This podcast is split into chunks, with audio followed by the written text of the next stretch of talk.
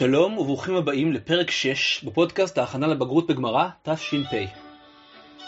בפודקאסט הזה נלמד את הגמרא בזרימה, בהנאה ובכיף. אתם מוזמנים להכין משהו לשתות, לפתוח גמרא, ולהצטרף לספורט היהודי העתיק ביותר, לימוד גמרא בכיף.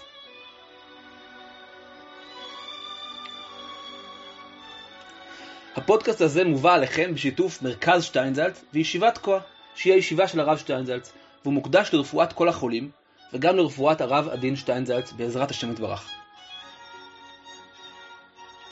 הסוגיה של היום תתחיל בדף נ"ז עמוד א' במילים אמר לאביי, ועד דף נ"ז עמוד ב' במילים ליסטים שאינו מזוין. אנחנו בעצם נמצאים בפרק ב' של הסוגיה שהתחלנו בפרק הקודם, ואנחנו ממשיכים. הסוגיה של היום קצת מסובכת, צריך להחזיק ראש. אני אנסה שהכל יהיה ברור ובהיר כמה שאפשר. אם יש לכם שאלות, כמובן תמיד אתם מוזמנים לשלוח לי בפרטי. אני נמצא גם בוואטסאפ וגם בטלגרם, בקבוצה. בואו נתחיל. אנחנו ממשיכים לדון בשאלה שעמדה במוקד הוויכוח בין שני המוראים חשובים, בין רבא ורב יוסף. זוכרים? הם התווכחו בשאלה האם שומר אבדה, אדם שמוצא אבדה, ועכשיו הוא שומר עליה עד שהוא יצליח למצוא את בעל האבדה, מה רמת האחריות שלו? האם הוא כשומר שכר או כשומר חינם? עד עכשיו הבאנו מקורות לכאן ולכאן בנוגע לרמת האחריות שמוטלת על שומר האבדה.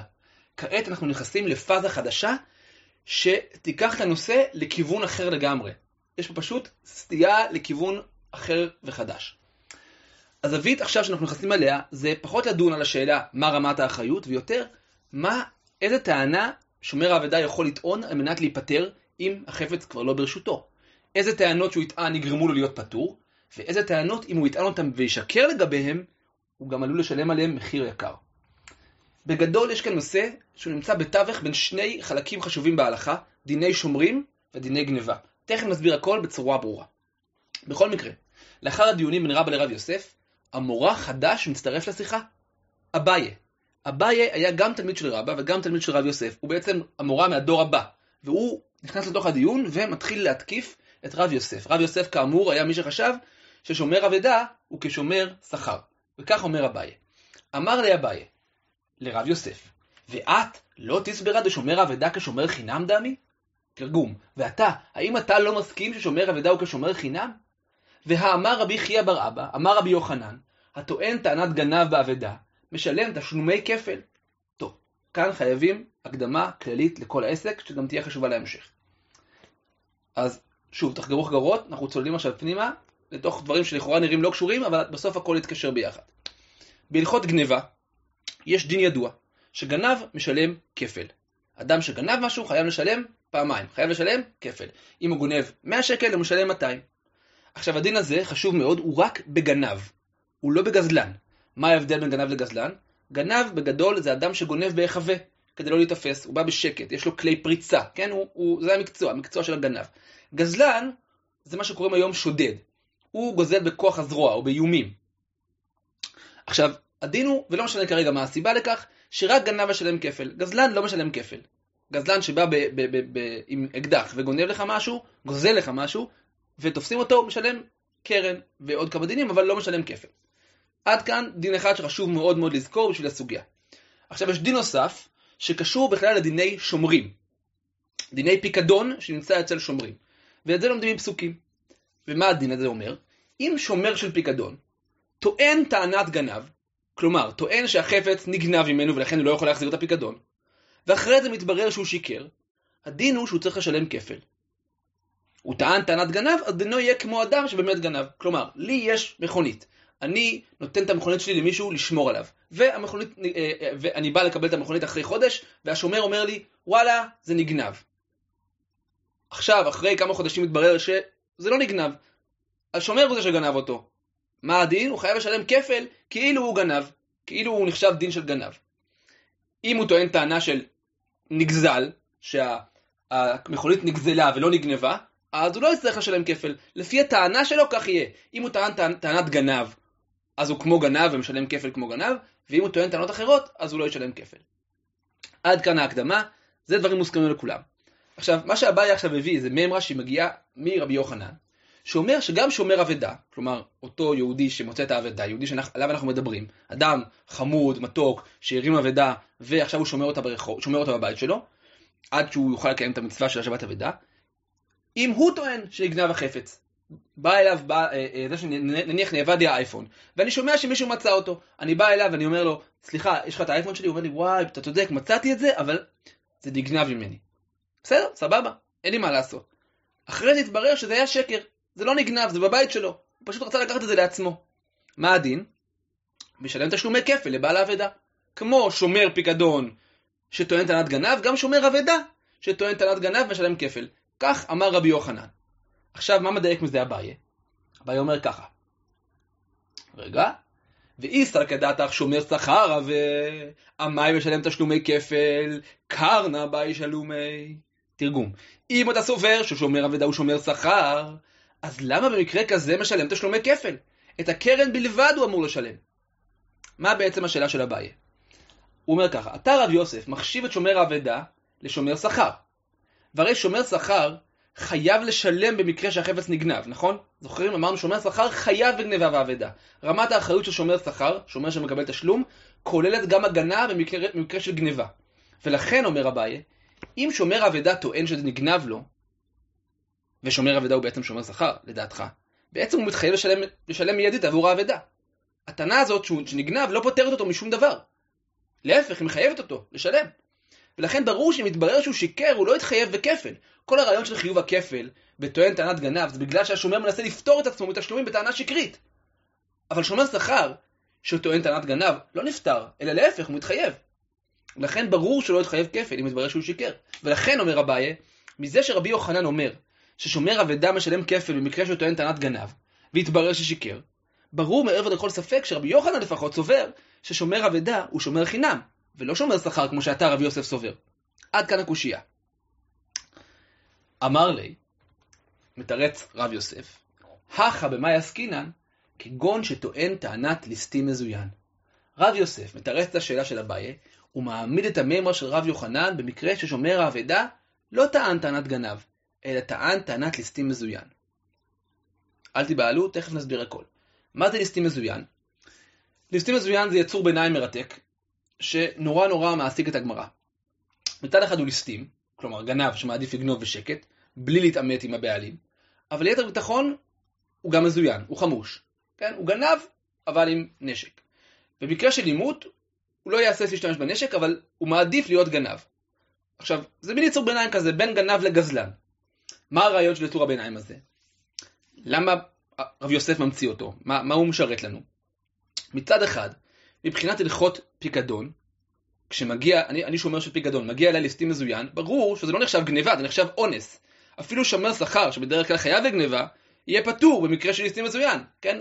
יבוא השומר שכר, תשאל אותו, אני, אני הולך לשומר שכר, שואל אותו, איפה המכונית שלי? אז הוא יגיד לי, סליחה, הגיע גנב עם אקדח, מה אני אעשה? אין לי ברירה, לא הייתי חייב יכול לעשות שום דבר. זה נקרא אונס, שומר שכר פטור במקרה כזה. מצד שני, מבחינת הלכות גנבים, הוא נחשב גנב, כך טוען רב יוסף.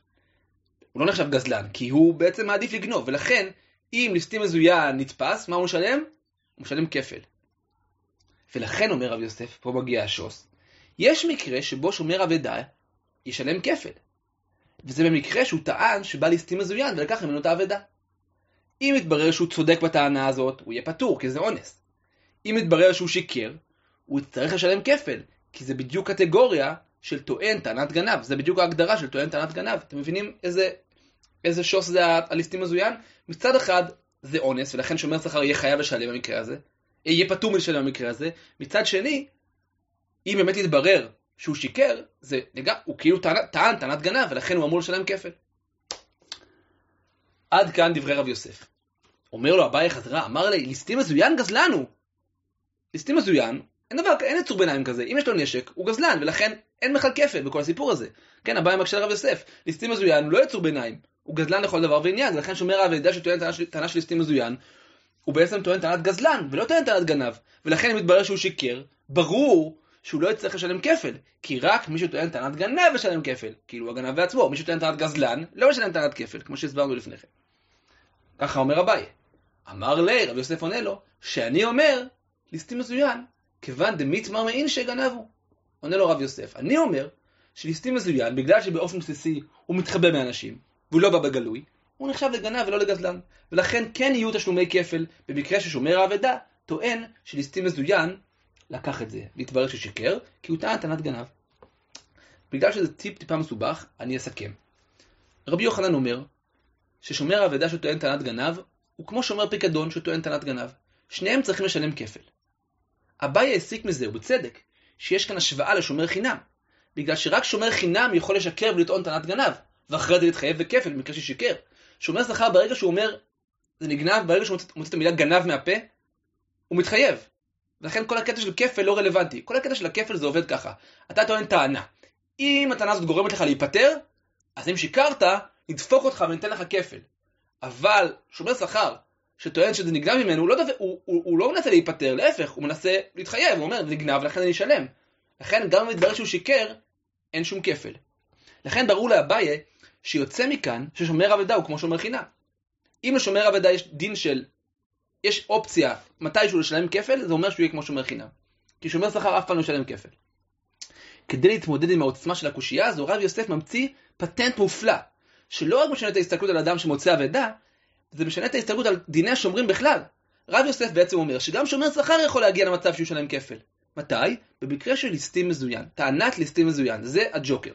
יש גנב, שמצד אחד שומר שכר יהיה פטור אם הוא באמת הגיע ולקח לו את זה, כי הוא גנב חמוש וזה אונס, אבל מצד שני, אם יתברר שהוא שיקר ביחס לזה, ולא היה ליסטים מזוין, זה היה המצאה שלו, הוא יצטרך לשלם כפל, כי זה נחשב שהוא טען טענת גנב.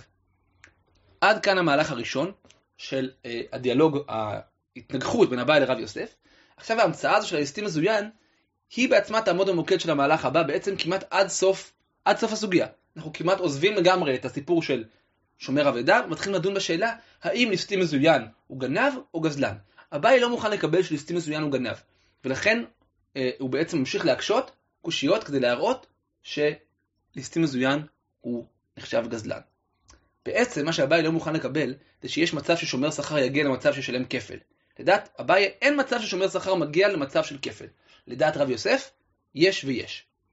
אי טבעי, מקשה אביי לרב יוסף. אני אקרא. לא אם אמרת שומר חינם שכן משלם תשלומי כפל, תאמר בשומר שכר שאינו משלם תשלומי כפל. אביי בעצם מצטט חלק מברייתא, ברייתא שהמטרה שלה זה לעשות סדר בדיני השומרים. רש"י אומר שהוא לא מצא את הברייתא, אבל זה כנראה מופיע במדרש הלכה. בכל מקרה, מקור תנאי קדום, שאמור לעשות סדר בדיני השומרים. עכשיו, בגדול, ברור לכולם, כשמשווים שומר חינם לשומר שכר, שומר חינם הוא השומר עם הדינים הכי קלים.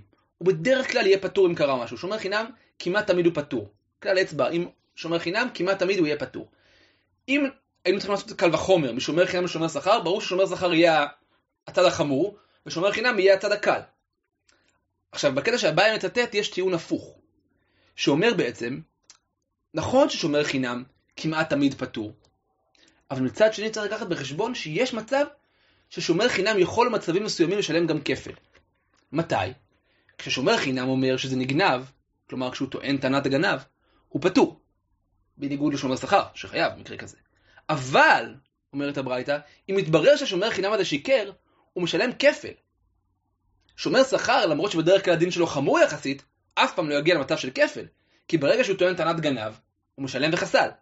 זה הפירוש של הקטע המצוטט. עכשיו, זה, זה הפירוש. עכשיו, ברור שזו, שזו הקושייה על רב יוסף, כמו שהבאי ממשיך להסביר לנו. כן, זו קושייה. למה זו קושייה? ואיסר כדעתך ליסטים מזוין גנב הוא, נמצא בשומר שכר, משלם תשלומי כפל בטוען טענת ליסטים מזוין. תרגום. ואם אתה רב יוסף, מתעקש שליסטים מזוין, מזוין יוגדר כגנב, אם כן, גם שומר שכר יכול להגיע למצב שהוא שלם כפל. מתי? אם הוא טוען טענת ליסטים מזוין, הוא יהיה פטור. ואם יתברר שהוא שיקר, הוא ישלם כפל. אם ככה, הברייתא לא נכונה. כי גם שומר חינם וגם שומר שכר יכולים להגיע לכפל. קושייה לרב יוסף. כל הרעיון של הברייתא היה להראות, תשמע, שומר חינם הוא אמנם, יש לו חיים קלים, אבל לפעמים ממש דופקים אותו עם כפל. לעומת שומר שכר, שיש לו חיים קשים, אבל אף פעם לא יהיה לו כפל. זה היה הרעיון של הברייתא. אומר אביי לרב יוסף, כל הרעיון של הברייתא לא עובד. כי לדעתך, בגלל ההמצאה של הליסטים המזוין, גם שומר שכר יכול להגיע לכפל. מתי שהוא טוען טענת ליסטים מזוין. מתרץ רב יוסף, רב יוסף לא נכנע. אמר לי, אני קורא, אחי כאמר, לא. אם אמרת בשומר חינם שכן משלם תשלומי כפל בכל טענותיו, תאמר בשומר שכר שאינו משלם תשלומי כפל אלא בטוען טענת ליסטים מזוין? רב יוסף נדחק ומסביר שכך צריך להסביר את הברייתא. צריך להסביר את הברייתא טיפה אחרת. הברייתא שרצתה להראות שיש גם צד בשומר חינם שהוא חמור, צד שדווקא דופקים את השומר חינם, היא לא טענה שאין שום מצב בעולם ששומר שכר גם יכול להגיע לכפל. פשוט שומר חינם משלם כפל בכל טענה שהחפץ נגנב ממנו. שומר חינם שטוען שהחפץ נגנב, לא משנה איזה סוג של גנב, מכניס את עצמו לסכנה. כלומר, אם הוא משקר, יש מצב שהוא יגיע לכפל. לא משנה אם גנב רגיל, או גנב חמוש, אבל שומר שכר יכול להגיע לכפל רק במקרה של ליסטים מזוין, של גנב חמוש. רב יוסף בעצם מפרש את הברייתא באופן שההיגיון שלה עדיין נשמר, עדיין יישאר מקרה, ועדיין מצד שני, יכול להיות מקרה אחד, מינימלי, מינורי, שבו שומר שכר ישלם כפל. סבבה, כאילו הצליח לתרץ. אביי כמובן לא מרפה, ומנסה שוב לתקוף את הרעיון שליסטים מזוין נחשב לגנב. ומי שטוען לטענת ליסטים מזוין יתחייב בכפל. שוב, אביי לא מוכן לקבל את הרעיון הזה, ששומר שכר, יש מצב שהוא יגיע לכפל. לדעת אביי, כל ההיגיון של דיני שומרים מבוסס על זה שאין מצב ששומר שכר אי פעם יגיע לכפל. הוא מביא עוד ברייתא. מה הברייתא הזו? מה המטרה שלה? הברייתא הזו בעיקרון עניינה בללמוד חיובים משומר שכר לשואל. מה זה שואל? שואל זה אדם ששואל משהו ממישהו, כן? אדם ששואל, למשל, גרזן ממישהו. שואל נחשב לשומר עם הרמה הגבוהה ביותר של האחריות. הוא חייב כמעט תמיד. כמעט כל דבר שיקרה לחפץ הוא יהיה חייב. למה? זה ברור, כי עושים לו טובה. עושים לך טובה, אז הייתי לארג' איתך, אתה חייב להחזיר את החפץ, גם אם, לא, גם אם הוא נהרס לא באשמתך. לפי התורה, אפילו במקרה של אונס, למשל אם הבהמה מתה אצל השואל, השואל משלם. עכשיו, זה כתוב בתורה, שאם הבהמה נשברה או מתה, כן, אז השואל חייב לשלם, למרות שזו לא הייתה אשמתו. בתורה לא כתוב מה הדין אם, בשואל, אם שאלתי משהו ממישהו, שאלתי ממך את הקייק שלך, והוא נגנב, הוא נאבד אצל השואל, הוא נגנב מהשואל, לא כתוב מה הדין. עכשיו, על פניו זה ברור, אם השואל חייב במקרה של אונס גמור, כן, בא רק מהשמיים והרס את הקייק, השואל יהיה חייב, כל שכן שהוא יהיה חייב גם בגניבה ואבדה, שזה משהו קצת פחות אה, אונס. אבל בכל מקרה מנסים לחפש מקור להביא ראייה ששומר שכר, אה, להביא ראייה ששואל יהיה חייב בגניבה ואבדה. מאיפה מביאים ראייה? משומר שכר. אנחנו נעשה קל וחומר. בואו נקרא את הברייתא. אי טבעי, כן, הקשה לו מהברייתא. כתוב בברייתא, ונשבר או מת. כתוב בתורה, ונשבר או מת, לגבי שאלה, לגבי שואל. אין לי אלא שבורה ומתה, גנבה ואבדה מניין. אמרת קל וחומר, ומה שומר שכר שפטר בו שבורה ומתה, חייב בגנבה ואבדה. שואל שחייב בשבורה ומתה, אינו דין שחייב בגנבה ואבדה? וזהו קל וחומר שאין עליו תשובה. בואו נסביר את הקל וחומר הזה עם הכותרת הפומפוזית הזאת, קל וחומר שאין עליו תשובה. כתוב ושואל, שחייב, כתוב בתורה לגבי שואל, שהוא חייב במקרה של ונשבר או מת. מה לגבי גנבה ואבדה? כן? מניין? מניין שיהיה חייב לשלם במקרה כזה. מניין שהשואל של הקייק, ששאל ממני את הקייק, מניין שהוא יהיה חייב לשלם לי במקרה שזה נגנב. נציע קל וחומר. שומר שכר, שפטור במקרה של שבורה או מתה. שומר שכר, אדם ששומר תמורת שכר על הקייק הזה, אם הוא היה שומר שכר, לא שואל. אז הוא היה פטור במקרה של שבורה או מתה, במקרה שהקייק הזה אה, נהרס באונס. ובכל זאת הוא חייב בגניבה ואבדה. שואל שחייב בשבורה או מתה, לא כל שכן שהתחייב בגניבה ואבדה? בואו נסביר שוב את הקל וחומר, כי אני מרגיש שאולי לא הסברתי את זה מספיק טוב. שוב, שומר שכר זה אדם ששומר תמורת שכר. בואו ניקח דוגמה, אני, אה, יש לי שני כבשים. כבש אחד הבאתי לשומר שכר, לשמור על הכבש. את הכבש השני שלי השאלתי למישהו. למה הוא צריך אותו? אולי הוא רוצה להשתמש בו בשביל אה, פינת חי לילדים שלו. עכשיו, ש, לשני הכבש, אם שני הכבשים האלה נגנבו, מה הדין? שנייה, אם שני הכבשים האלה מתו, מה הדין? שומר שכר שמת הכבש, הוא אומר, סליחה, אני שמרתי, אבל זה מת, מה אני אעשה? הוא יהיה פטור. השואל יהיה חייב. מה לגבי אם הכבש נגנב? השומר שכר יהיה ודאי חייב. כתוב בתורה שהוא חייב בגניבה. מה לגבי שואל? האם הוא יהיה חייב? אנחנו עושים קל וחומר. אם כשמת השומר שומר שכר, השומר שכר פטור, ולמרות זאת הוא חייב על גניבה, כל שכן שהשואל שחייב במקרה שהכבש מת, כל שכן שהשואל יהיה חייב לשלם במקרה של גניבה. ועל זה יש סיומת דרמטית, זה קל וחומר שאין עליו תשובה. טיפה על הרעיון של קל וחומר. קל וחומר זה רעיון סופר מעניין שאין לנו זמן להיכנס אליו היום, אבל בגדול זה בנוי על ציר. לוקחים רעיונות ומניחים אותם על ציר של חמור וקל. בצד אחד של הסקאלה קל, בצד שני של הסקאלה אתה חמור. לוקחים שתי דברים, אחד קל אחד חמור, ואחרי זה איך זה עובד? כל דין חמור שנמצא בתוך הדבר הקל, נוכל להעביר אותו בקלות לחמור. כי אם בדבר הקל יש חומרה כזאת, אז ברור שגם בדבר החמור צריך שיהיה את החומרה הזאת. עכשיו, איך הורסים קל וחומר? איך מפרקים? איך מפריחים קל וחומר? פשוט, הורסים את הציר. מסבירים שהעסק יותר מורכב. שהחמור לא כזה חמור, יש בו גם צדדים קלים, והקל לא כזה קל, יש בו גם צדדים חמורים. ככה מפריחים קל וחומר. על הקל וחומר הזה, הברייתא אומרת שאין לו פרחה, הוא חזק, אין עליו תשובה, אי אפשר להפריך אותו. עד כאן הברייתא. עכשיו בואו נראה מה אביי עושה עם הברייתא הזאת, איך הוא הופך אותה להיות קושייה על רב יוסף. אומר אביי, ואיסא כדעתך ליסטים מזוין גנב הוא, עמי אין עליו תשובה. איכא למפרח, מה לשומר שכר, שכן משלם תשלומי כפל בטוען טענת ליסטים מזוין. שוב אומר אביי, אחרי שאתה רב יוסף, בנית את המקרה של ליסטים מזוין, ואתה טוען שהוא נחשב לגנב, ויצרת יש מאין מקרה שבו שומר שכר יכול להגיע לכפל, אז אתה הורס את כל ההיגיון הפנימי של הקל וחומר פה. יש בהחלט דרך לפרוח את הקל וחומר הזה. כי שומר שכר אמנם הוא קל יותר משואל, כי הוא פטור במקרה שהבהמה נשברה או מתה, אבל יש גם צד שהוא חמור יותר, כי יש מצב, אם הוא טוען טענת ליסטים מזוין לדעתך רב יוסף, שהוא ישלם כפל, ולשואל אין מצב שהוא יגיע לכפל אף פעם, אז כל הקל וחומר הזה נהרס. אני יכול לטעון נגד הקל וחומר ששומר שכר הוא לא יותר קל, כי הוא גם, יש לו צד חמור. אז הקושייה עצומה על רב יוסף, רב יוסף, כשהמצאת את הרעיון של ליסטים מזוין, אתה בעצם הורס לי פה את כל ההיררכיה של השומרים, אני כבר לא יודע מה חמור ומה קל. מתרץ רב יוסף, אמר לי, כסבר הייתנה, קרנה בלא שבועה, עדיפה מכפילה בשבועה. רב יוסף מתרץ באלגנטיות, ומסביר שהקל וחומר עדיין שריר וקיים. בואו רק נתרגם, קרנה בלא שבועה, תשלומי קרן בלי שבועה, עדיפים מתשלומי כפל עם שבועה. מה הכוונה? אומר רב יוסף, נכון, יש מצב ששומר שכר ישלם כפל, אם הוא נשבע לשקר וטוען שליסטים מזוין גנבו את הדבר. והתברר שהוא שיקר, אז הוא באמת ישלם כפל. אבל באותו מקרה גופו, אם הוא היה שואל, שהיה טוען טענה דומה, מה היה קורה?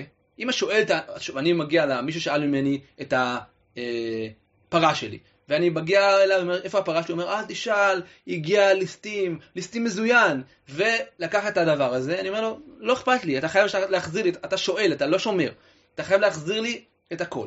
לכן, השואל חייב לשלם מיידית, בלי כן שבועה, לא שבועה, כן שקר, לא שקר, אוטומטית הוא חייב לשלם את הקרן, את העלות של החפץ עצמו.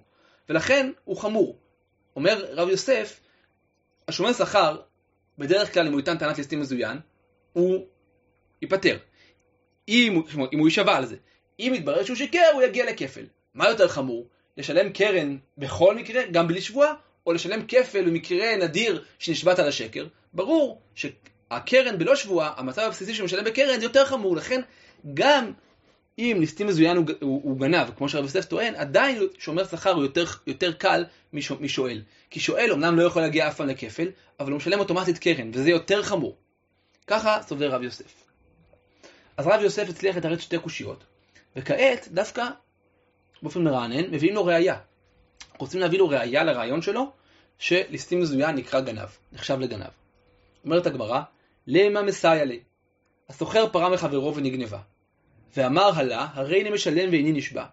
ואחר כך נמצא הגנב, משלם תשלומי כפל לסוחר. אז קודם כל, יש פה מקור נוסף, מקור תנאי נוסף, אני לא זוכר אם זה ברייתא או משנה, בואו נגיד ברייתא, וברוכים הבאים יש פה את השומר הרביעי, דיברנו על שומר חינם, דיברנו על שומר שכר, דיברנו על שואל, עכשיו יש את השומר הרביעי, שנקרא סוחר. מה זה סוחר? אדם שלוקח דבר לשימושו הפרטי ממישהו תמורת תשלום. הוא לא משאיל את הקייק שלי, הוא לא שואל את הקייק שלי, אלא הוא סוחר את הקייק שלי. ו... או במקרה הזה הוא סוחר את הפרה שלי. בואו נצמד לדוגמאות של, של, של התנאים. הסוחר פרה מחברו ונגנבה. ואמר הלה, כלומר הסוחר אומר, הרי אני משלם ואיני נשבע. אם הוא יישבע, ויגיד, תשמע, זה נגנב, הוא יהיה פטור. אבל הוא היה לארג', הסוחר הזה היה לארג', הוא אמר, תשמע, אני רוצה uh, לבוא איתך נקי, אני לא רוצה להישבע, לא רוצה uh, את כל הפרוצדורה, הנה אני משלם עכשיו, למרות שאני לא חייב. אחר כך נמצא הגנב. הפלא ופלא, המשטרה הצליחה למצוא את הגנב, עכשיו הגנב צריך לשלם כפל. עכשיו למי הוא משלם את הכפל? משלם תשלומי כפל, הסוחר. הסוחר הופך להיות הכתובת, כי הוא כבר שילם, כי הוא, הסוחר כבר סילק את, ה, סילק את התשלום שלו לבעל הפרה, ועכשיו הוא עומד מול הגנב. אם הגנב ייתפס, הכפל הולך לסוחר. עכשיו חשוב להבין שיש מחלוקת תנאים מאוד מאוד יסודית ביחס לסוחר. האם סוחר הוא דינו כשומר חינם, כך חושב רבי מאיר, או שהוא כמו שומר שכר, כך חושב רבי יהודה. תכף נראה את זה בגמרא.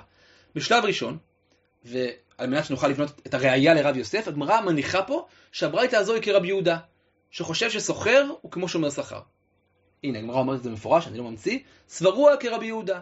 דאמר סוחר כנושא שכר דמי. סוחר הוא כמו שומר שכר. אנחנו בתוך העולם, אנחנו בתוך השיטה הזאת. עכשיו, למה זה ראייה לרב יוסף?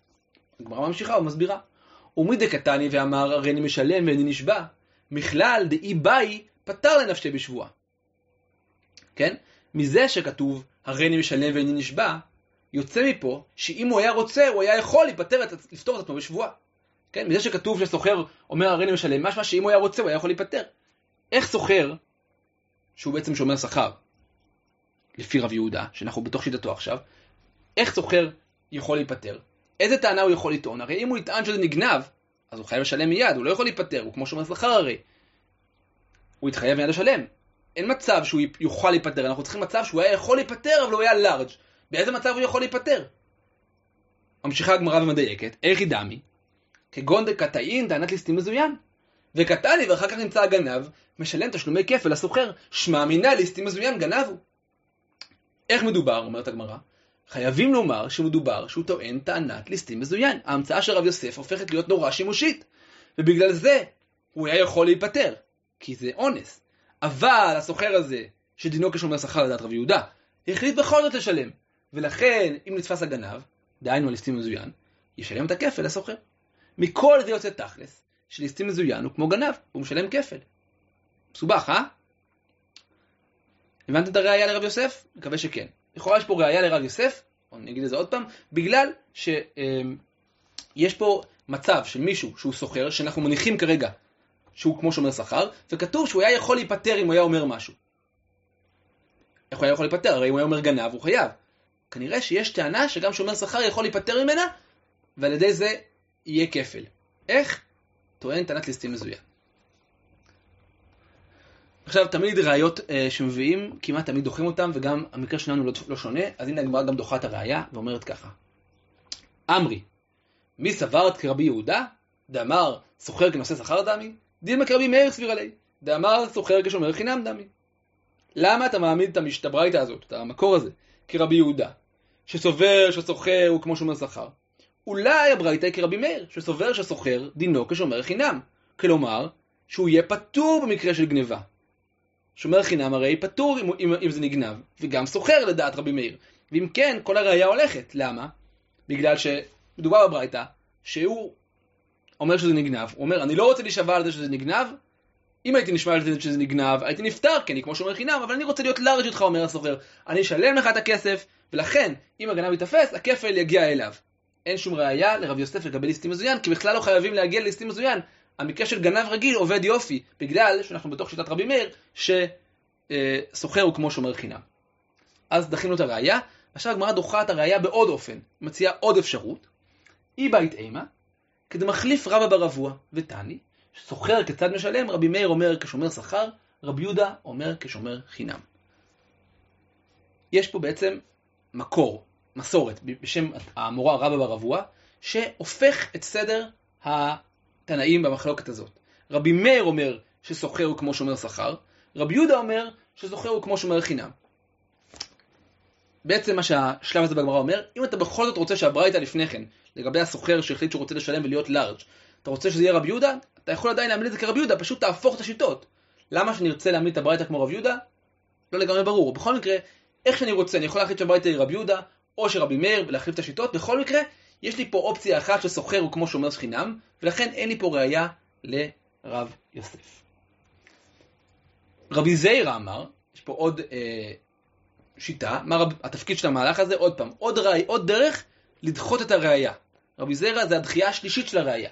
רבי זיירה אמר, הכה במאי עסקינן בטוען טענת ליסטים מזוין, ונמצא ליסטים שאינו מזוין. רבי זיירה דוחה את הראייה באופן אחר. הוא אומר ככה, גם סוחר הוא כמו שומר שכר. נניח אנחנו פוסקים שסוחר הוא כמו שומר שכר, ואם, הוא, ואם זה נגנב, אז הוא נהיה חייב. עדיין אפשר לפרש שמדובר שהסוחר טען טענת ליסטים מזוין, ולכן הוא היה אמור להיפטר. אבל הוא ברוב אצילותו, כי הוא היה לארג', הוא בחר לשלם. עכשיו מה? כשנתפס הגנב, התברר שהוא גנב פשוט. לא מזוין ולא נעליים. ולכן התברר בעצם שהוא חייב לשלם כפל. במקרה כזה הכפל ילך לסוחר, כי הוא בחר לשלם למרות שהוא היה יכול להיפטר. ואם כן, אין ראייה של ליסטים מזוין לשלם כפל, כי אפשר להעמיד שיתברר בסוף שהוא לא היה מזוין.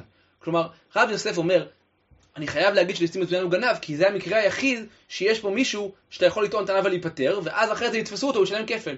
אומר רב זרע, לא נכון. יכול להיות שהוא טען טענת ליסטים מזוין ונפ... ונפטר, הוא בחר בכל מקרה לשלם. זה שיש כפל בסוף, זה לא בגלל שליסטים מזוין הוא גנב, פשוט התברר שהוא לא היה ליסטים מזוין, שהוא היה גנב. ולכן יש כפל. למי הכפל הולך? לסוחר, כי הוא כבר שילם. אז אין לנו הכרעה. זהו, עד כאן הסוגיה. הסוגיה בכלל לא חזרה לדבר על מה שהתחיל את הדיון בכלל. המחלוקת על שומר אבדה בין רב לרב יוסף. דרך השאלה של הבית נכנסנו לנושא אחר בכלל. לשאלה האם אה, ליסטים מזוין הוא גנב או לא. הסוגיה בדקה את הרעיון הזה מול כמה מקורות חשובים בדיני שומרים, ולא הצליחה להפריך או להביא ראייה לרעיון. אה, אנחנו רואים שהרעיון הזה של ליסטים מזוין הוא רעיון מעניין שהוא יכול לשנות לגמרי גם את דיני השומרים וגם את אה, אה, דיני הגנבים. אה, אני ממש מקווה שהבנתם, זו סוגיה קצת קשה. שברתי את הראש איך להסביר אותו בצורה הכי טובה. כמובן שפנים לפנים אפשר להסביר אותה ברבע שעה, בפורמט הזה זה טיפה יותר מאתגר. אני ממש מקווה שהצלחתי. אם יש לכם עדיין שאלות, אתם מוזמנים ממש לשאול, כמו שאמרתי, אני אענה. אני גם בקבוצה של הוואטסאפ, אני גם בטלגרם. אז להתראות בינתיים ולהשתמר לפרק הבא.